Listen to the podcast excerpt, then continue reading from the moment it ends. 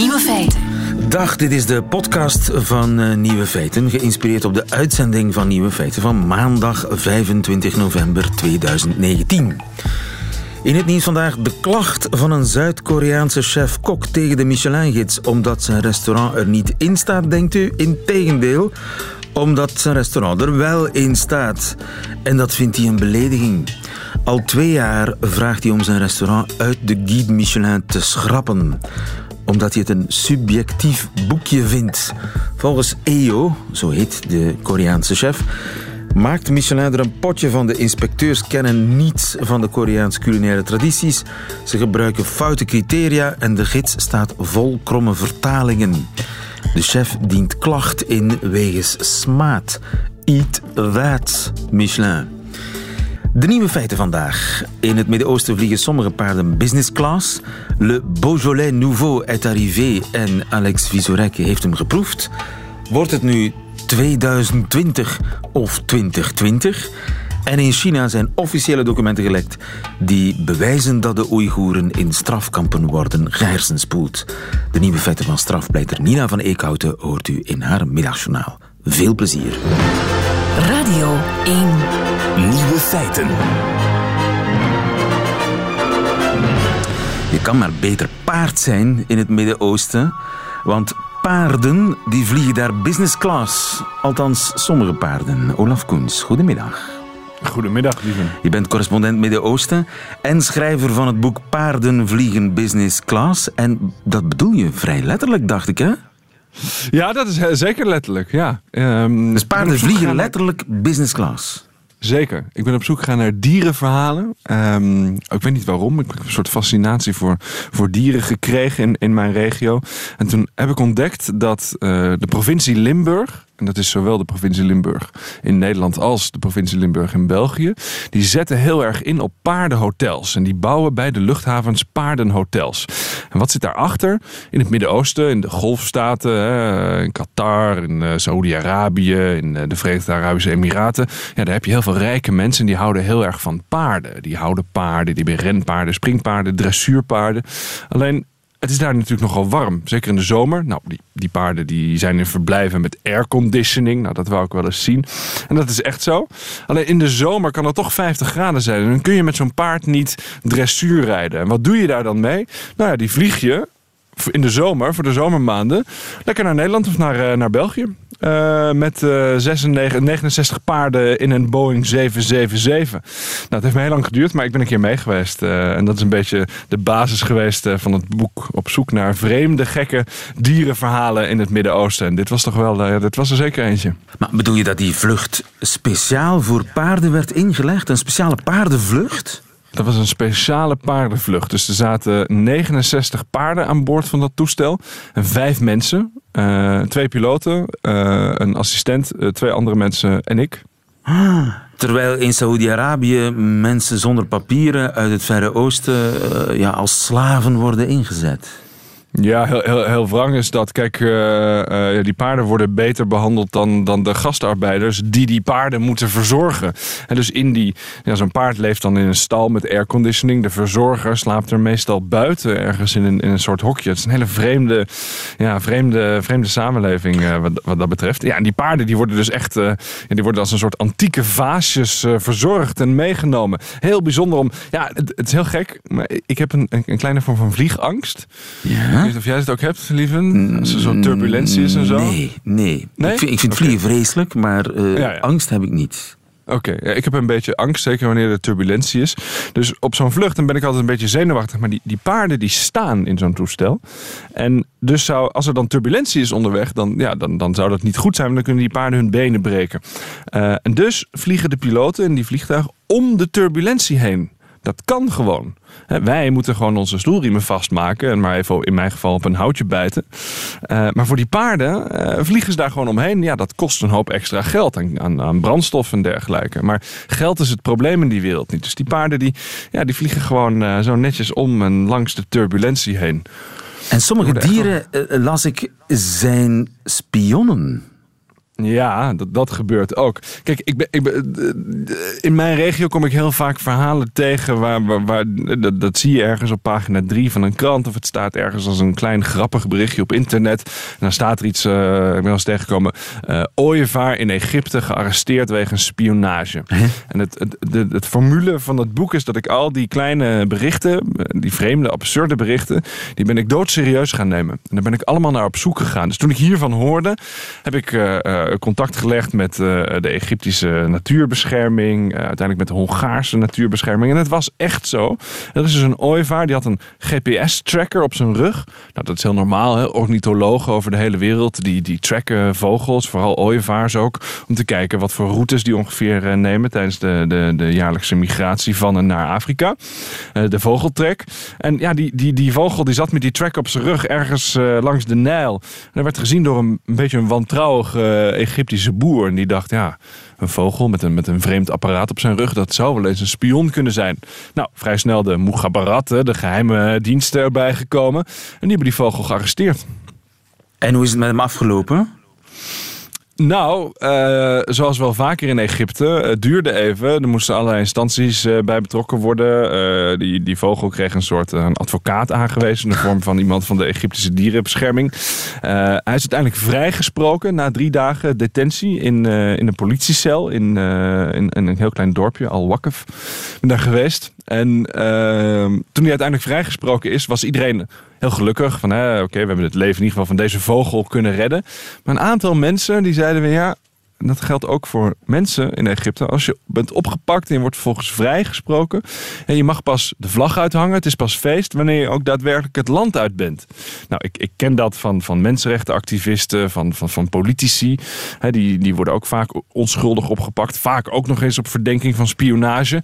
Maar pas als je het land uit bent, dan ben je echt vrij.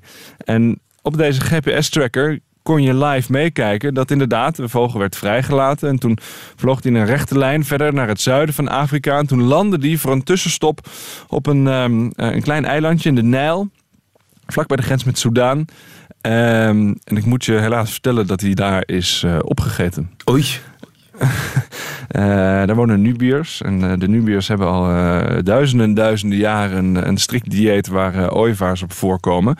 ja, het enige wat ik er qua journalistiek of literatuur nog uit heb kunnen halen... is een, is een recept voor gebakken ooievaar van oma Aisha. Ooievaar is eetbaar in... Zeker. Egypte, of althans bij bepaalde, in bepaalde streken. Ja, voor de mensen thuis, uh, je moet als je de vogel eenmaal geslacht hebt, moet je het, het vlees moet je zo ongeveer een kwartier, misschien iets langer, even in azijn, in witte azijn onderdempelen. Dan trekt de smaak van vis eruit en komt de ooievaar goed tot zijn recht. Een zeer bruikbare tip, waarvoor dank, uh, Olaf. Hebben ze daar ook dierentuinen in het woelige Midden-Oosten, waar de raketten om je oren vliegen? Ja, daar ben ik natuurlijk heel erg naar op zoek gegaan. Kijk, een, een dierentuin is natuurlijk een heel erg dankbaar literair onderwerp. Um, ik, ik, ik, heb natuurlijk vroeger in Rusland gezeten. Ik ken de verhalen over de dierentuin van Leningrad tijdens de oorlog. En ik ben ook hier op zoek geweest naar dierentuinen in, in, in Syrië, in Irak, uh, in de Golfstaten.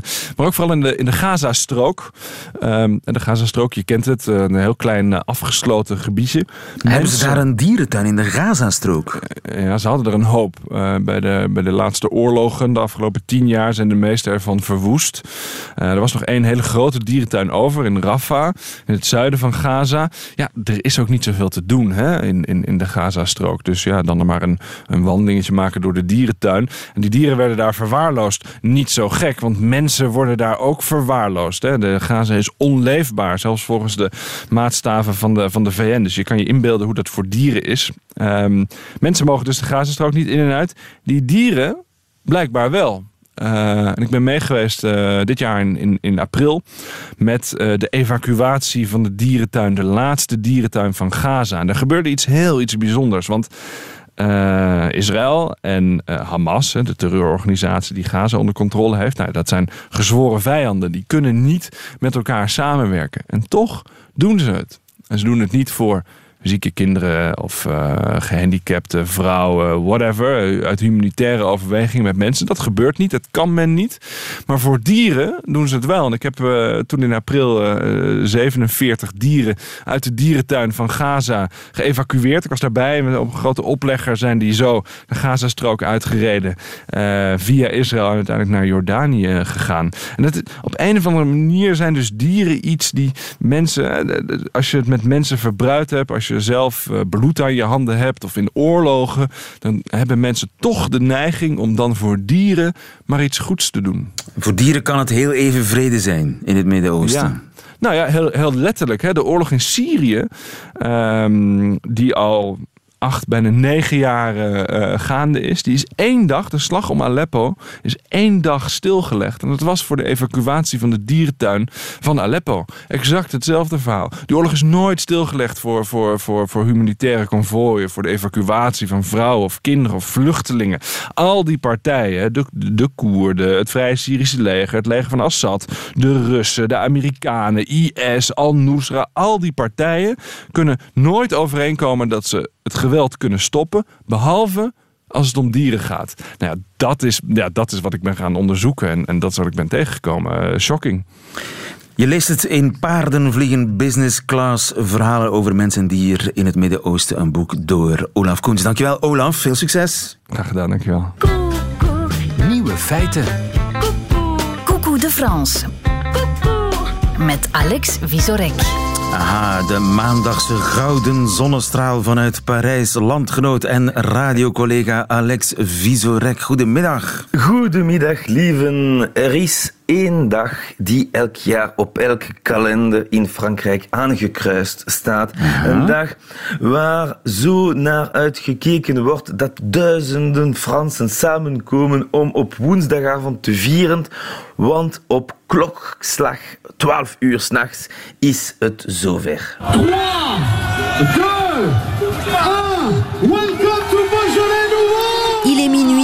l'heure de la mise en Perse du Beaujolais nouveau a sonné comme chaque année sur la place Saint-Jean. Welcome to Beaujolais nouveau. Ja, le Beaujolais nouveau, een van de bekendste Franse wijnen. Le Beaujolais nouveau est arrivé, verklaren we in het Frans. Want je hoorde in een fragment van een van de vele volksfeesten die gehouden wordt om Le Beaujolais nouveau te verwelkomen. Uh, het is de eerste Franse wijn die op de markt komt in het een paar weken voor alle anderen. Dat is een uitzondering die zelfs bij wet bepaald is. Le Beaujolais Nouveau is elk jaar beschikbaar vanaf de derde donderdag van november.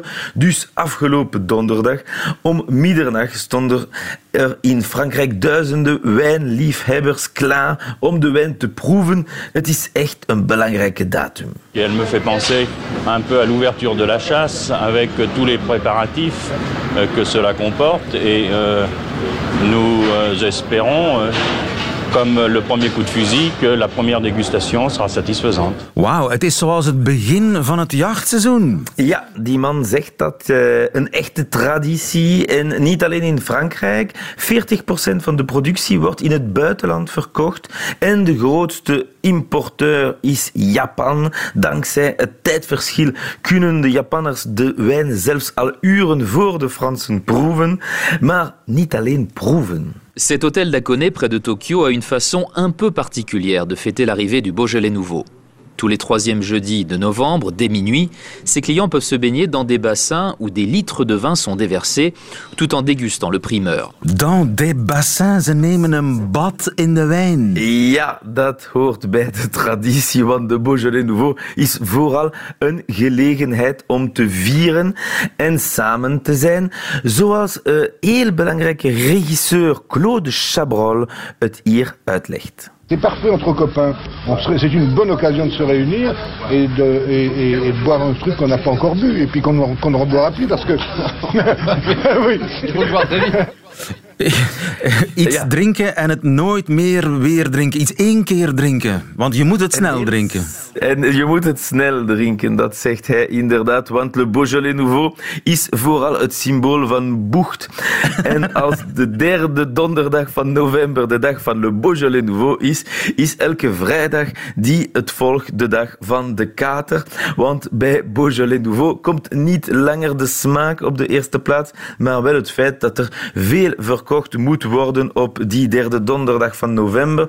En om hun wijn zo vroeg op het jaar te kunnen verkopen, voegen ze gist toe aan de wijn en gist die altijd dezelfde smaak geeft. Très bon ce cru 2019, il a des allures un peu de, de fruits rouges, il est frais, il est, il est très bon. Il est bon Un peu sucré.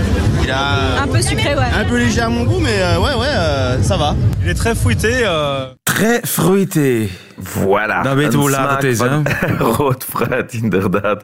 Van banaan of van snoep. En als je gelukt hebt, heeft het ook een smaak van wijn, soms. Dit is wat er op Twitter over geschreven wordt. Le Beaujolais nouveau, dit un internaute, c'est comme se remettre avec son ex. On se rappelle très bien que ça a mal fini la dernière fois, mais on retente quand même parce qu'on sait jamais. Je vous trouve très dur avec le Beaujolais nouveau, dit un internaute. Personnellement, j'ai testé dans mon scooter, il n'a jamais roulé aussi Ja, ik heb hem in mijn scooter gegooid, die Beaujolais Niveau. En hij heeft nog nooit zo hard gereden. Ja, en het is zoals mijn ex. Ik herinner me dat de laatste keer een slechte keer was, maar ik ga terug naar haar of naar Want je weet de nooit, Beaujolais Nouveau. misschien, wie weet. Wie weet, een jaar zal het terugkomen met een goede smaak.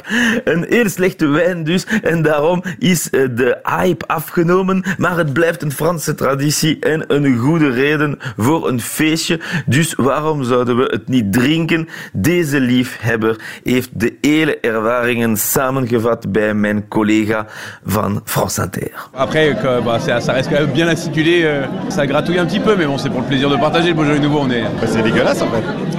Oui, globalement. C'est le plaisir de partager un truc dégueulasse. C'est la tradition française. C'est la tradition française. Partager un truc dégueulasse, iets heel slecht. Het delen met vrienden. Het plezier om iets degoutant te delen, dat is ook de Franse traditie. Samengevat, dankjewel Alex Vizorek in Parijs. Goedemiddag, Bedankt. tot volgende week. Radio 1. Nieuwe feiten. Het is nog erger dan gedacht met de Oeigoeren in China. Goedemiddag Jan van der Putten, Ja, goedemiddag. China-kenner. Die heropvoedingskampen voor Oeigoeren in China, dat blijken ware concentratiekampen. Dat tonen nieuwe gelekte documenten. Wat voor documenten zijn dat? Die komen uit een bron heel dicht bij de Chinese regering. Niemand weet welke bron eh, dat is. En dus op het ogenblik is er een jacht aan de gang van je welste eh, door de Chinese Communistische Partij om, te kijken, om te kijken waar die documenten vandaan komen. Want ook dat is echt groot nieuws, dat er nu plotseling gelekt wordt vanuit het regime zelf.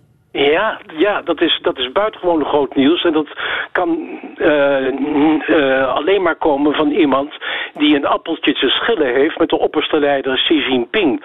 Want uit eh, die documenten, die zijn, zijn doorges- doorgespeeld naar het internationale consortium van onderzoeksjournalisten. Uit die documenten blijkt dat Xi Jinping zelf het bevel heeft gegeven tot deze gigantische op- operatie om eh, de Oeigoeren en andere eh, leden van moslimminderheden in, eh, in China massaal te arresteren en aan een systematische hersenspoeling te onderwerpen. De hersenspoeling, hoe moet ik mij dat voorstellen? Nou, de mensen worden, worden opgepakt op basis van, eh, van verdenkingen. Je hebt een iets te lange baard, je, je, je, je, bidt iets te lang, je, je, je, gaat eh, op eigen gelegenheid naar Mekka. Ehm, nou ja, je, je, je laat zien dat je een, tot de, tot een, de Oeigoeren eh, behoort. Je wordt opgepakt. Of zelfs bijvoorbeeld, je komt je huis niet altijd via je voordeur, maar ook wel via je achterdeur binnen. Dat betekent dat je iets te verbergen hebt. Je wordt, eh, je wordt opgepakt en dan in kampementen eh, neergezet die met eh, prikkeldraad omgeven zijn. En overal hangen daar, daar, daar camera's om je in de gaten te houden. En dan word je inderdaad aan systematische hersenspoeling onderworpen. In die zin dat je voortdurend krijgt ingehamerd dat je een crimineel bent, dat je illegaal bent, dat je een terrorist bent als je niet je, eh, je culturele identiteit opgeeft. Dat wil zeggen dat je in plaats van Allah Xi Jinping gaat aanbidden. Dus je kan eigenlijk geen moslim zijn in China. Dat is eigenlijk wat uit die documenten blijkt. Het is, het is gewoon culturele genocide. Dat is nu eh, uit, die, uit die documenten blijkt, blijkt dat eh, opper, opperduidelijk. Ook bijvoorbeeld de taal. Hè. Er wordt een ontzettende nadruk gelegd op het onderwijs in het Mandarijn. Dus niet het onderwijs in het, eh, in het Oeigoers. Dat, dat, is, dat is verboden. Net zoals ook heel wat moskeeën worden, af- worden afgebroken. Of zo worden, worden toegetakeld dat ze niet meer als mos, moskee zijn, eh, zijn te herkennen. De mensen worden daar echt behandeld als, als denkmisdadigers. Met een ontzettend eh, eh, straf eh, re- eh, regime.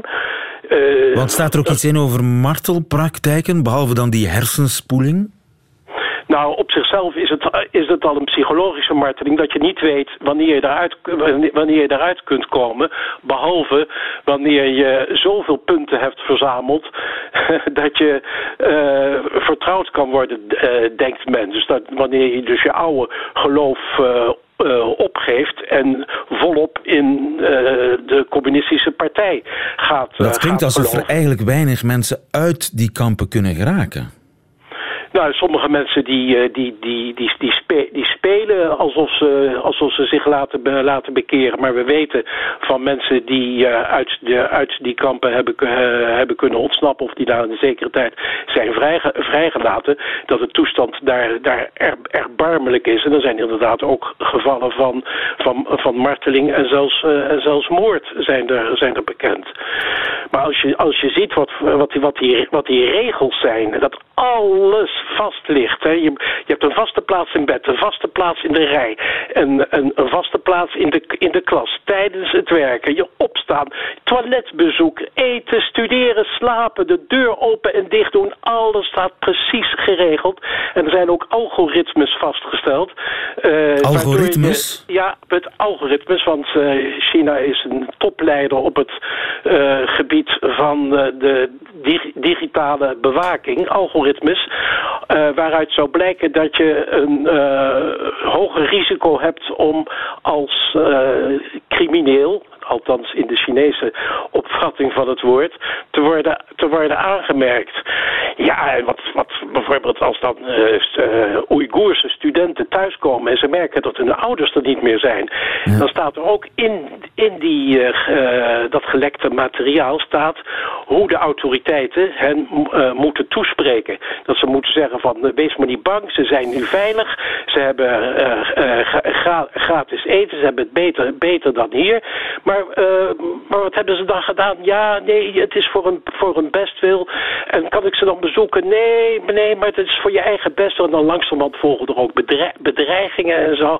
Nou ja, het is een... een, een eh, ja, Ja, het is Big Brother Gulag, meets, je eh meets Gulag meets eh, Auschwitz, als het ware. Dat zijn nu wel heel zware woorden. Maar ja, wat, wat- Aus- Auschwitz zou ik, zou ik dan niet willen, willen, eh, willen, willen, willen in de wond willen nemen. Maar het zijn natuurlijk toestanden zoals we die eh, sinds de gulags van, van, van Stalin niet meer, niet meer tegen zijn, eh, zijn gekomen. wat betekent dit voor de internationale relaties van China? Want ja, wij zijn daar net op handelsmissie geweest, wij Vlamingen. Ja, en toen eh, zijn ook jullie computers eh, gehackt, heb ik, heb ik begrepen, tijdens, tijdens die reis. Ja, eh, voor de internationale relaties van China Kijk, China is het machtigste handelsland van de wereld. En heel veel landen zijn economisch afhankelijk van China. Dus die durven eigenlijk niet of nauwelijks te protesteren. Het is ook heel, heel tekenend dat uh, van de moslimlanden... dat er bijna geen protesten zijn gekomen tegen de behandeling van de Oeigoeren. En dat ze precies zeggen wat de Chinese regering zegt. Namelijk, dit is een binnenlandse aangelegenheid. En iedereen die daar kwaad van spreekt, die, uh, die wil... wil, wil uh, dat is een vijand van China. En deze documenten zijn ook fake nieuws en zo. En alles wordt, wordt tegengesproken. Ja. Dus de moslimlanden durven het al niet. Zelfs Erdogan van Turkije, die in het begin wat kritiek heeft geoefend, die heeft, houdt nu zijn mond, want die heeft van China grote leningen gekregen. Het Amerikaanse congres heeft uh, maatregelen aangekondigd tegen personen en bedrijven die uh, te maken hebben met de repressie in, in, in Xinjiang, hè, in het westen van China, waar de Oeigoeren wonen. Uh, maar ja, dat moet je zien in het kader van de hele brede ja. confrontatie op alle fronten tussen China en de Verenigde, en de Verenigde Staten.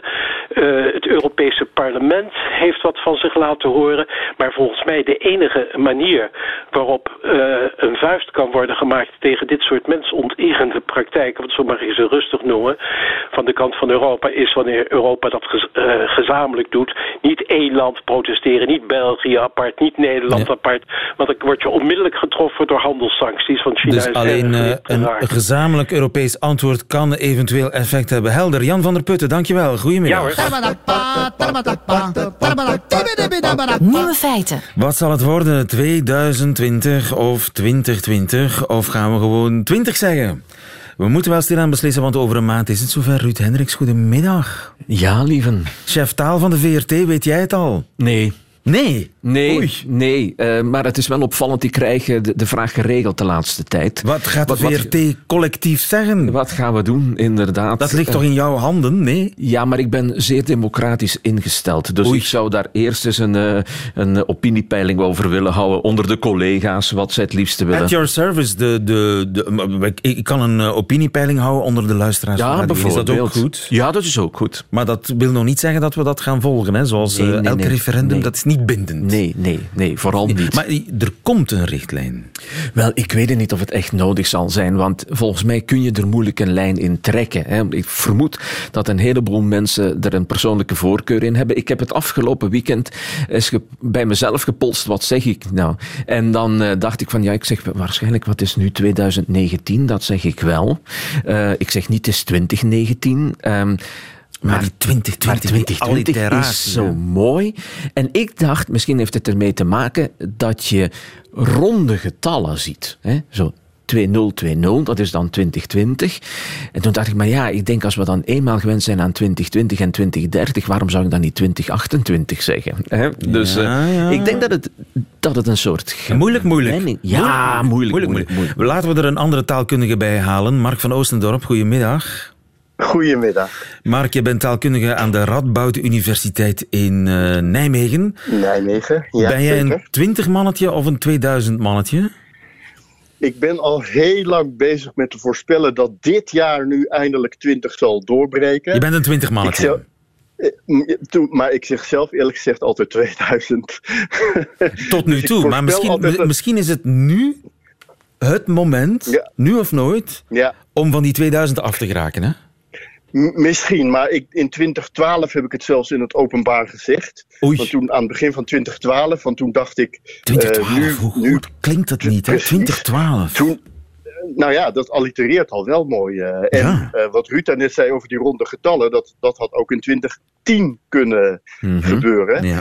En eh, dat is desalniettemin niet gebeurd. Maar ik dacht toen aan het begin van het jaar, er gaat nu heel veel gebeuren. Er komen Olympische Spelen aan. Er komen de Amerikaanse presidentsverkiezingen aan. En eh, vooral in Amerika waren ze toen al vrij ver met eh 20. Ja, de, Engelse, de 2011 Engelstalige landen zijn al langer aan het overschakelen. Hè? Want zij zitten natuurlijk met die 2000. Dat is een beetje... Bekt een beetje moeilijker dan 2020. Ik, ik, we- ik weet niet precies waar het aan ligt. Waarom zij dat eh, wel zijn gaan doen. En wij dat eigenlijk nog steeds niet, eh, niet doen. Maar hoe hebben we dat vorige eeuw eigenlijk opgelost? Want op een gegeven moment zijn ze toch ook de 100 niet meer beginnen zeggen. Nee, we zeggen niet 1914, hè? Ja, maar dat is natuurlijk wel een belangrijk verschil. Dat eh, eh, ze toen 100 moesten weglaten en nu zeggen wij niet 2000, maar we zeggen 2000. Zweden zeggen het, Dus, hè? De eh, Zweden zeggen 2000, hè? Ja? Sugo, Ja, Sugo nou ja. Hundra. Ja, of Sugo Hundra.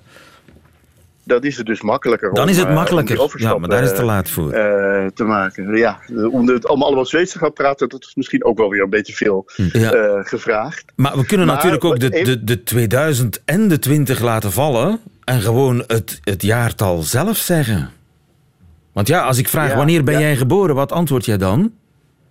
Ik ben geboren in 67. In 67. Zeker, Voilà. ja. Niet in Ja, ja. 1967, ook niet in 1967. Gewoon in 67. Juist, ja. ja. Nou, dat, ik denk dat het ook, dat is, we hebben denk ik grote kans dat dat wel gaat gebeuren. Dat is namelijk iets heel wonderlijks. Dat heb ik zo'n twintig jaar geleden eigenlijk al uitgezocht. Toen viel me op dat eh, we hadden in de, jaren, in de 20e eeuw hebben we de, de jaren 20 gehad en de jaren 30 en de jaren 40. Allemaal heel erg met een eigen karakter. Maar over de jaren 0 of de jaren 10 had eigenlijk niemand het. Juist, of ja. laat staan over de 20 dus de 20er jaren, 30er jaren. Maar Hoe ja, kan dat? Hoe je dat Is, precies is, is daar niks... moet noemen. Ja, maar hoe kan dat nu? Nou, ja, ik, ik, ik dacht toen, dus dat was aan het eind van de vorige eeuw. Ik dacht toen, ja, dat komt misschien omdat dat is al zo lang geleden. Daar hebben we het nu niet meer over. En Nou. of toen was het eigenlijk nog niet begonnen met dat We hebben wel een afkorten. Eerste is- Wereldoorlog gehad. Jullie hebben daar niet zoveel last van gehad, maar wij wel. In de ja, jaren maar toch hebben die niet. Toch hebben die niet een. een Nee. eh, de Eerste Wereldoorlog was een wereldoorlog. En toch heeft het wereldwijd niet geleid tot. eh, tot, ja, tot een speciale term. En dat De geldt nu tien. eigenlijk Nee, voor de afgelopen gezegd, hè? 20 jaar. Heb jij, Ruud, heb jij Nee, een verklaring voor dat we nooit de jaren 10 hebben gezegd? Nee, ik heb daar ook geen niet over de- verklaring over voor. de 20ste en we hebben daar ook heel veel last mee gehad. Want wij hebben hier zoiets, was het de jaren 90, was het jaren 70, 80, 90 hadden we eerst op Studio Brussel. En in, ineens kwamen dan de jaren Ja. nul. Ja. Ja. Of, of Ja. ja. wat gebeurt er dan? werd Of de nillies en de nullies en de jaren nul en al dat soort dingen. Nee, ik heb daar ook moeilijk. geen verklaring voor. Maar dat Nee, is nu stilaan achter de rug. Dus dat is eigenlijk Ja. een argument om te zeggen... laten we gewoon die 20 of 2000 laten vallen. En laten we het, laten we het gewoon hebben over 20. We zijn in 20. Ja, het is misschien nog niet eens een argument, want ja, de, eh, Ruud en ik hebben er allebei geen verklaring voor. Het is dus wel gebeurd. Het is gebeurd in de 20e eeuw. Het is gebeurd nu weer in de 21e eeuw. Het gaat kennelijk op een niet helemaal begrepen manier in tegen ons taalgevoel om te praten over de jaren 0 of de jaren 10, maar niet over de jaren 20. Nee. Dus we gaan nu weer een decennium tegemoet met eh, nou ja, een echt eigen karakter, eh, zullen we maar zeggen. En dus gaat dat misschien ook wel vanzelf om dan te gaan zeggen. Nou, in 21 eh, zien we wel weer verder. Hm. Mark, ik heb ook een vraagje. Want, je- want jij bent fonoloog, hè? Nu, Fonoloog, wat is dat? Fonoloog, dat is iemand die zich met uitspraak en zo bezighoudt. Nu, wat ik me afvraag, heeft de lengte ermee te maken dat we ineens kiezen voor, voor die 20? Dat zijn maar twee lettergrepen. En 2000 zijn er drie.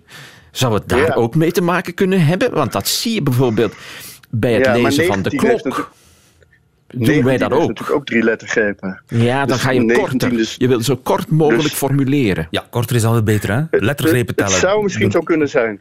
Wat ik ook wel heb gedacht, dat heeft weinig met uitspraak te maken, is misschien heeft het iets te maken met het oplopen of aflopen van de getallenreeks. Dus Hm. als we nu zeggen 2019, dan gaan we naar beneden. 2019. Ja. Maar bij 2020 blijft het gelijk, maar vooral bij 2021, Het telt misschien komt dan de doorbraak wel, Ja. gaan we optellen. En dan wordt het steeds groter. En misschien 21, 20, ligt dat ook nog wel weer wat 22. makkelijker. Ja, Ja. ook waar. Ja, ja. Goed, ik heb een, een poll beloofd. De poll ga je krijgen. Laat het ons weten via Facebook. Wat wordt het? eh 2020, 2020 of gewoon 20?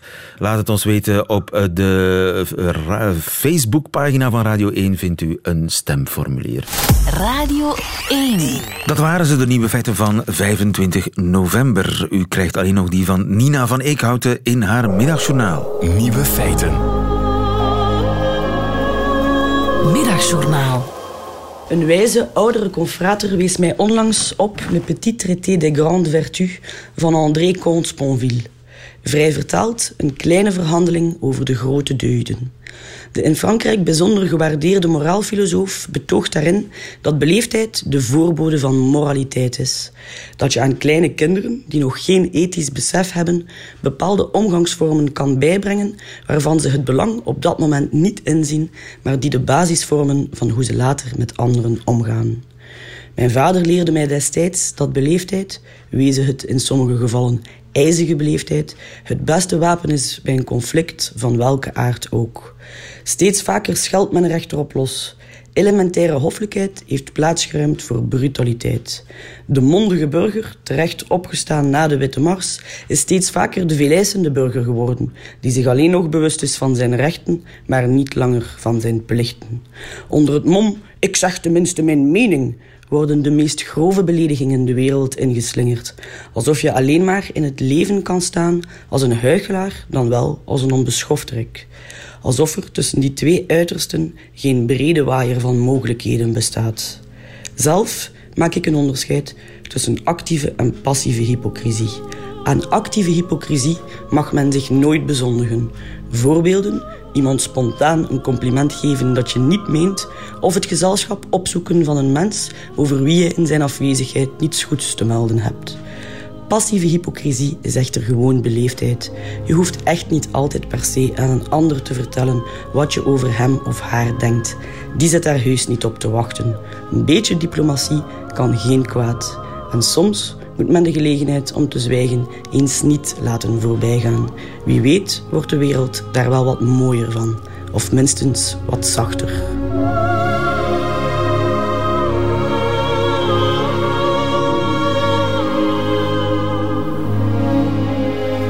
Het middagjournaal met Nina van Eekhouten, de advocaten. Einde van deze podcast. Hoort u liever de volledige uitzending met de muziek erbij? Dan kunt u altijd terecht op onze app of op onze site. En daar vindt u overigens nog veel meer fijne podcasts. Tot een volgende keer.